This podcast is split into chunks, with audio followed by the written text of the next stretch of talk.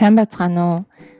Гайхалтай хүмүүсийн багнаас боловсрал, гэрлэлт гэр бүл гээд хувийн амьдрал болон карьер, улс төр, магадгүй шашны үзэл бодол мөн амьдралыг нь өөрчилсөн түүхүүдийг хуваалцан ярилцдаг 11 podcast маань эхлэхэд бэлэн боллоо. Ингээд та бүхнийг урам зориг авч сонснах гэж найдаж байна.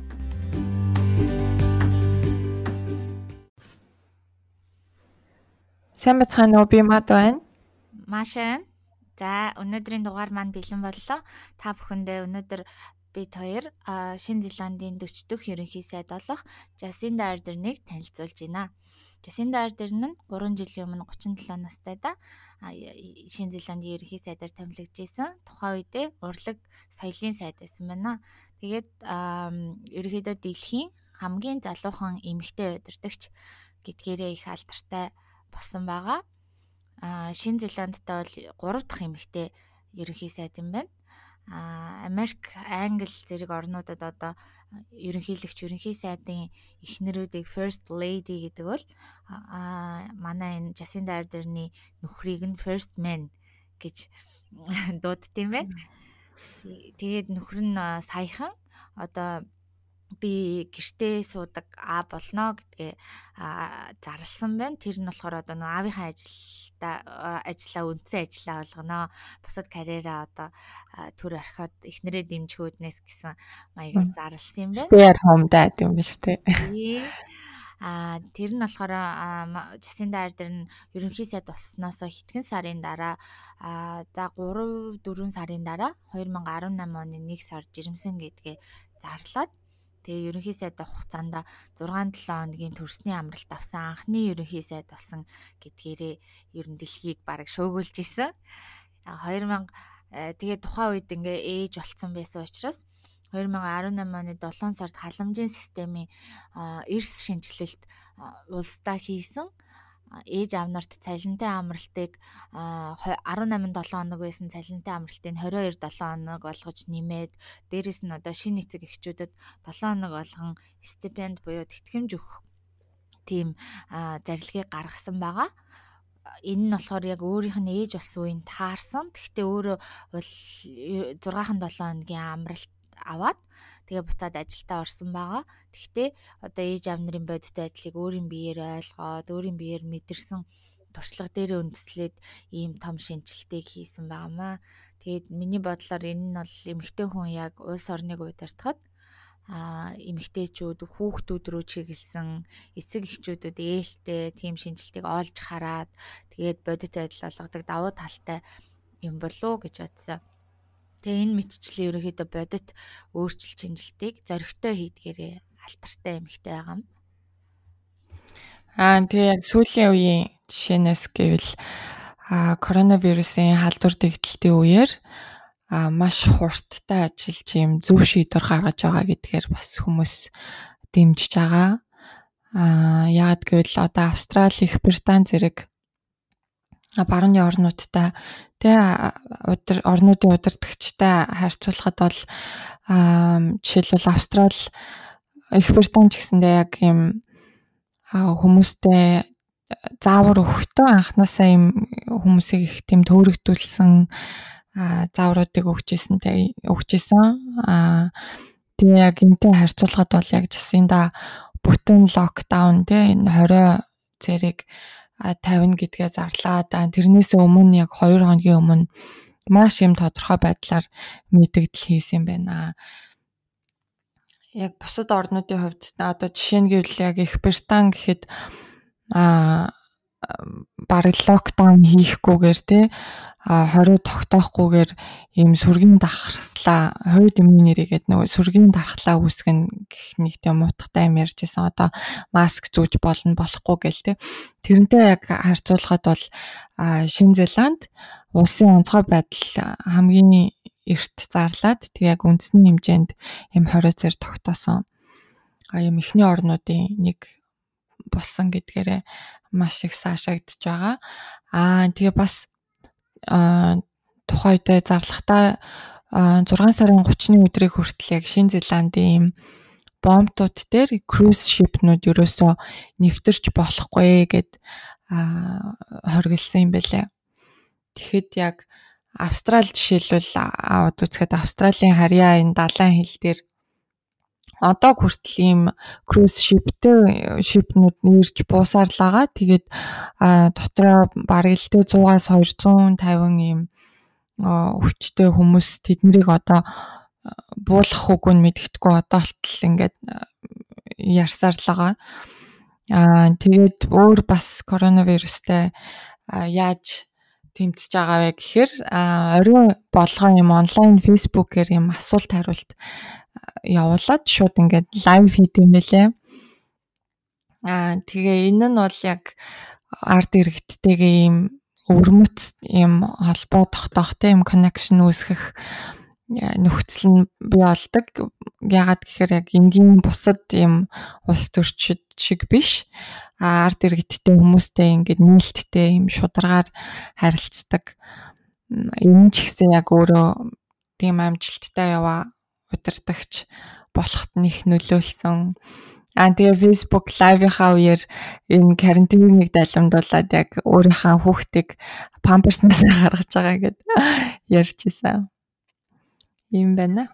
Аа ерөөхдөө айгүй энгийн хүн юм шиг байгаа нэ. Одоо лайвыг харахаар ингээл гэртээ яг ингээл нүүр мүрээ будаагүй гэрийнхэн хувцастай яг бид нар шиг ингээд байж идэг. Тийм яг Хүүхдэд өнгөцөө унтуулчаад ирж байна гээл зүгээр гэрийнхээ хувцастайгаа шууд лайв хийгээл те. За тэгэхээр хоёулаа одоо Жасинда Ардерны бага насныхын талаар ярилцъя те. Аа за тэгээ а яг өөрөө болохоор Шин Зеландын юм жижиг хөдөө тосгонд төрж өссөн юм бэлээ. Тэгээд мужийнхаа улсын сургуулиудад явсан. Тэгээ юм fish and chip-ний юм жижиг хоолны газарт тийнейжер байхдаа ажиллаж исэн. Тэгээ бас сонирхолтой нь гэвэл а мормоны гэр бүлд төрсэн байлээ. Аав ээж нь мормон шашинтай. Аав нь болохоор цагдаа. Тэгээд сүүлд а 2014 онд биш ээ хэдэн онд гэлээ. Нью Арлд ийм усын хаан засгийн газрын дэд комиссар болоод шилжээд тэг гэр бүлээ Моренсвилл хот руу нүлгээд тэрэнд яг Жасинда баг дунд сургуулаа сурч дүүргсэн байлээ. Тэгээ яг тэр өссөн хотод нь болохоор ийм Маори гэнг Маори гэдэг одоо Шинэ Зеландын юм уугуул иргэдийн юм бүлэглэл гэх юм уу байдаг гэнг бүлэглэл байдаг байсан юм байна. Тэгээд одоо нилийн тийм ядуу буурай аль өрх ихтэй тэгээ хүүхдүүд баг ингээ гуталчгүй явж ах эсвэл ингээ хүүхдүүд идэх хоолгүй ч юм уу байх бол нилийн илбэг байдаг байсан. Тэгээд яг энэ харж өссөн а зүйл нь бол яг түүнийг улс төрд ороход нь зөндөө нөлөөсөн гэдэг өөрөө сүлд нь ярьж байсан. Тийм бах тий. Тэгээд тэр Маоригийн одоо Шинэ Зеландын уугуул иргэдүүдийн соёлыг айгүй дээдэлдэг хүн шиг санагдсан. Дандаа Facebook дээр ингээд лайв хийхээрээ Kiaora гэд одоо бодвол hello гэсэн л үг юм шиг Маори хэлээд тэгээд орж ирдэг. Тэгээд ингээд хүүхдийнх нь нэр ч гэсэн яг ийм хоёр нэртэй, англи нэртэй, Маори хэлний нэртэй юм билэ. Тийм. Тийм. За тэгээд улс төрлөө яг ингээд гүн гүндгийн орсон түүхийн яри гэвэл авга хичээхаа нөлөөгөөр 17 наснда Шинэ Зеландын Labour Party буюу одоо хөдөлмөрийн намд элсэн орж исэн байна.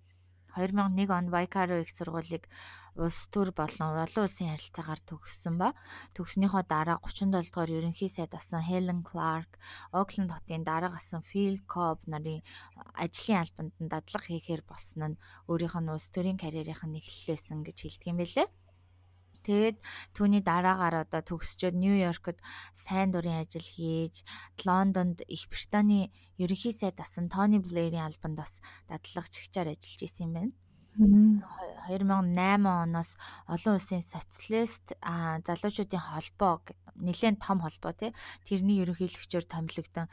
Тэр жилдээ улсынхан парламентын сонгуульд өрсөлдөө сонгогдоо 2011 он 14 17 онд тус тус улиран сонгогдсон. Одоо 3 жил дараалж 3 сонгуул дараалж сонгогдсон тийм эмэгтэй юм байна. Тэгээд 2017 17 онд сонгогдчоод байж байхдаа 8 сард нь хөдөлмөрийн даргын намын дарга болоод 10 сард нь ерөнхий сайдаар сонгогдоод одоо хүртэл ажиллаж байгаа юм байна. Монгол шиг одоо ингээд намын дарга нь одоо ерөнхий тухайн одоо парламентийн давуу суудалтай намын дарга нь ерөнхий сайд болдог тийм тогтолцоотой юм шиг би яг тэгж бодсон. Австрал шиг тий. Аа тэгээд түрүүнд бас нөгөө бага насныхаа юунд юм хэлгээ мартчихаж аав нь цагдаа ээж нь сургуулийн сургуульд ажилладаг. Энгийн гэр бүлээс нь тэгээд а гэр бүл нь яг морны шашинтай байсан боловч яг өөрийнх нь одоо LGBT хүмүүсийг дэмжих үзэл ч юм уу жишээлбэл те яг төр яг морны шашны номлолтой нь яг харшилж исэн болохоор 20 20 нас 20 нас гараад те шашнаасаа татгалцсан бэлээ. Аа тэгээд яг Жасиндагийн партнер нь celebrity fisherman гэд бас телевизийн од юм шиг байгаа Clark Gayford гэд хүн байдаг. Хурмаа хийгээгүй гэрэлтэйч батлуулаагүй юм байлээ. Тэгээд энэ жил яг 9 сард болох юм парламентын сонгуулиас өмнө бол хормоо хийхгүй. Ер нь бол Шинэ Зеландынхаа энэ хормоо хийх нүг амар хүлээлттэй байгаа юм шиг байгаа юм л та. Тэгээд хийхгүй гэд ярьж исэн. Аа тэгээ Жасинда бас янз бүрийн олон зүйл сонирхдаг. Окландын хөгжмийн наадам дээр өөрөө бүр DJ хүртэл хийж исэн юм байлээ. Аа нөхрийнх нь хувьд гэвэл аа өөртөө аа энэ хоёр чинь ерөнхий сайд болохоос өмнө амьдарч исэн юм 3 өрөө байшиндаа одоо хүртэл амьдардаг гэж байгаа байхгүй юу. Тэгээд саяхан өөртөө ингээд засвар хийсэн. Хан маныг нь өөртөө бодсон гэд ярилцлагаанда хэлж исэн. Тэгээд ер нь л иймэрхүү энгийн амьдралтай. Аа тэгээд ерхий сайдынх нь хамгаалтын албан тэгсэн гэсэн за яг танаа хаус чинь те хашаатай байгаа нэг юм да гэсэн. Ерөөсөө тийм э, security одоо нөгөө одууд чинь л бүр амар л хамгаалттай явдаг штэ. Ерөөсөө тийм биш амар энгийн амьдралаа ингээ хадгалж үлдсэн те. Тийм амьдралтай гэр бүл байна ямар гоё энгийн те хашаатай байгаа нэг юм гэдэг нь амар сонирхолтой санагдлаа. Амар импресс болсон гэсэн шүү дээ нөгөө. одоо энэ австралчууд гэсэн биднэрт ийм лидер хэрэгтэй гэл амар их Facebook гэрээд өөрөө яг энэ Жасинда Ардерны лайвыг шеэрлээл өөрсдийнхөө ерөнхий сайд намуудыг амар эсрүүцэл тэгэл айгаа Жасинда Ардер нэг шүтдэг юм шиг надад санагдсан. Аха. Тийм тэгээд Ардер нэг бас Нобелийн инх тайвны шагнал авах боломжтой хүн гэж олон хүмүүс үздэг.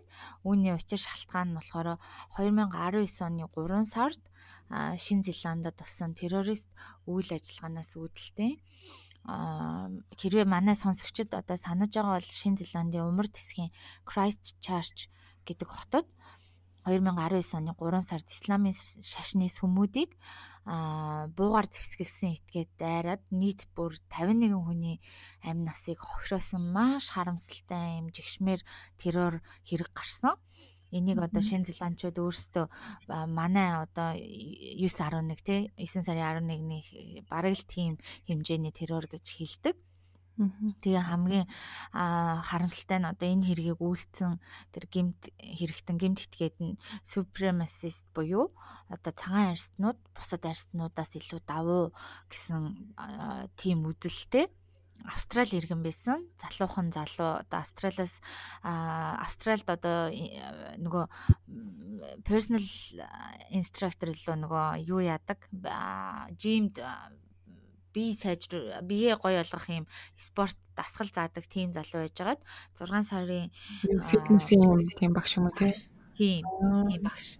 Тийм хүн байжгаад юу яагаад Шинэ Зеланд руу яваад тэгээ 6 сарын дараа тийм хэрэг үйлдсэн байсан. Тэгээд хамгийн муухай нь одоо энэ террорист үйлдэлээр Facebook live-аар ингээд бүр дуу муу дуулангаараа ингээл амар контр тоглож байгаа юм шиг ингээд дамжуулаад тэгсэн байсан болохоор ингээд тэрийг хүмүүс амар олон дэлхийн маш олон хүмүүс үзсэн.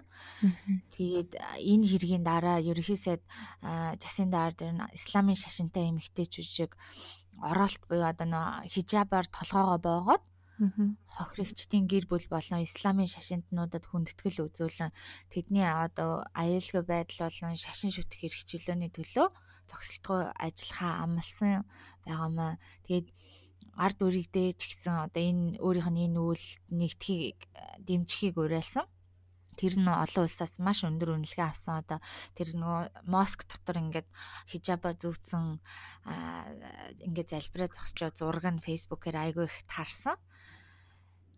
Тийм тэгээд бас тэр нөгөө нэг гимт итгээдийн лайв видеог нь устгуулах талаар бусад улс орнуудын болон сошиал медиа сайтуудын удирдлагуудтай цаг алдагдaltaгүй холбогдоод устгуулсан байгаа. Тэр нь болохоор одоо энэ гимт хэрэгтэн болон түүний энэ муухай жигшмээр үйлдэлийг шеэрлэж хүмүүс түгээж түүнийг алдартай болгох нь буруу юм аа. Зөвхөн хохирогчд тэдний ар гэр төрөл төрөстэй талаар бодож тэдний төлөө ажиллах хэрэгтэй. Дахиж ийм хэрэг гарахгүй ах үүднээс бид нар яаж хамгаалж болох вэ гэдэг тиймэрхүү зорилгоор энэ видеог ингээд хүчээр те бүх юунаас устгуулж исэн юм байна.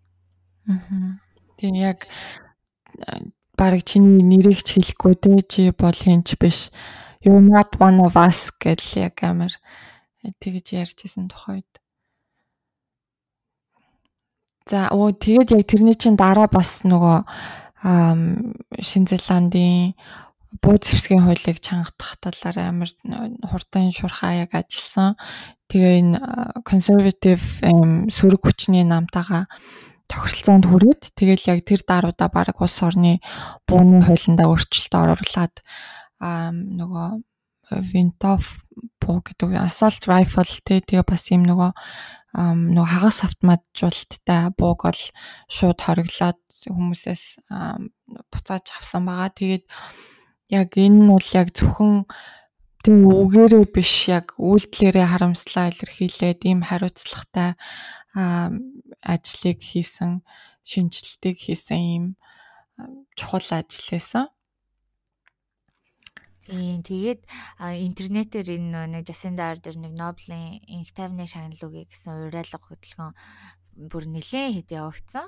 Тэрний одоо нэг дээр нь бүр 80 мянган гарын гарын үсэг цугларсан байт юм билээ. Ялгар одоо ийм саяны одоо энэ террор хэрэг шиг те ялгарлан гадуурхалд үзэн ядалтаас үүссэн hate crime-ууд за одоо хамгийн наад захын жишээ гэвэл одоо коронавирус ингээд дэлхийгээр тархацсан. Түүнийг нь хүмүүс China virus гэж дуудаад Аз царайтай Аз төрхтэй хүмүүсийг доромжилсан, гудамжинд зоцсон хэрэгүүд одоо дэлхий дээр олон орнуудад сонсогдож байгаа нь амар харамсалтай. Гэхдээ одоо түүний зэрэг ингээд бат зогсдог, дуу хоолойгоо хүрэгдэг, тэмцдэг ийм нөлөөтэй улс орны удирдахч байгаа нь бол маш надаа үнэхээр гоё ийм сайшаалтай одоо санагдсан. Аа тэгээ яг за хамгийн тийм өөр сүүлийн комент гэвэл нөгөө юу юм бэлээ. Цагуурын өөрчлөлтийн талаар бол яг аа маш юм тодорхой байр суурьтай тий. Аа тэгээд өөрөө бас ярихтаа яг Шинэ Зеландийн хувьд гэвэл мэдээж жижиг улс хүн ам багтай тий. Тэгэхээр юм хүлэмжийн хий ялгаруулалтын хувьд бол бусад одоо барууны орнуудтай харьцуулахад бол хамаагүй бага. Аа тэгвэл энэ дэлхийн дулаарлалтын уур амьсгалын өөрчлөлтийг мэдрэх ийм маш юм хурцаар мэдрэх ийм арлын улсуудаар одоо хүрээлэгдсэн байгаа шүү дээ Шинэ Зеланд чинь. Тийм болохоор яг а одоо энэ цагуурын өөрчлөлтийн төлөө бол яг үүрэг хариуцлага хүлээгээд а энэ маш том том энэ өөрчлөлтүүдийг хийх ёстой гэдэг яг өөрөө юм а өөрөө яг юм тодорхой яг байр суурьтай байдгийм байлаа. Яг би яг бусад хүм улсын улсуудтай харьцуулаад байна л да. Америк ч юм уу те. Одоо Дональд Трамп гэхэд л цаг үеийн өөрчлөлт тэг зөв буруу үнэн зөв гэл ингээл амар дебет хийгээл баг яриад байдаг шүү дээ. Тэгэхэд бол Jacinda Ardern-ийн хувьд ийм байна. За үнэхээр мундаг одоо яг нөгөө үгээрээ биш үйлдэлээрээ харуулдаг гэд түрүүн чи айгуу гоё хэллээ. Яг тийм удирдахч байна. Тэгээд би энэ хүний талаар ингээл амар ингээл сонирхол уншсан чинь одоо бүр амар гоё санагдаад ном бэдгүн бэлээ айгуу сонин. Одоогоор яг гарч гарааг л байгаа хэл та удахгүй гарах л бах. Тэгээд ийм номгүй яг тийм хүмүүсийн талаар Priscilla Chan ч гэсэн тийм бисэн те. Ингээ уншаад судлаад ярилцаад найзтайгаа ярилцахаар амар гоё өөрт маань юм мэдлэг мэдээлэл болж бууж ийн манай сонсогчдод бас таалагдана гэж найдаж байна. За тэгээ хоёлаа дараагийн дугаараараа хэнийг ярих вэ? Хүмүүс саналаа хэлж болно те. Тийш тэ комент хэсгээр үлдээж болно. Одоо тэрнийг яриач, энэнийг яриач гэ битээр одоо чадхаараа судлаад те уншаад ингээд хөргөн. Тэгтээ хоёлаа дараагийн хүнээ тогтцсон байгаа те.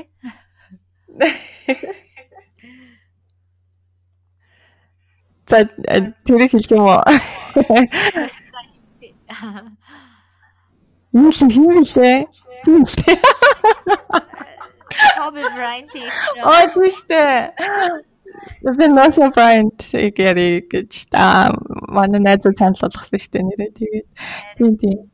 Тэгтээ насагчт маань мэдээж хүмүүс санал болгож олно тий. Тий, заавал одоо нөгөө нэг ийм лаг маг карьер марьертэй хүн бахаалбгүй зүгээр ингээд зүгээр л тий одоо бид нар шиг ийм хүмүүсийн талаар л ярьдаг подкаст болохоор а гол нь нөгөө мэдээлэл нь олдохоор хүмүүс ах хэрэгтэй шүү. Тий. За баярлаа. За тэгэхээр баярлалаа таалагдсан байх гэж найдаж байна. Дараа санагт олзъя. Баяр таа. Баяр таа.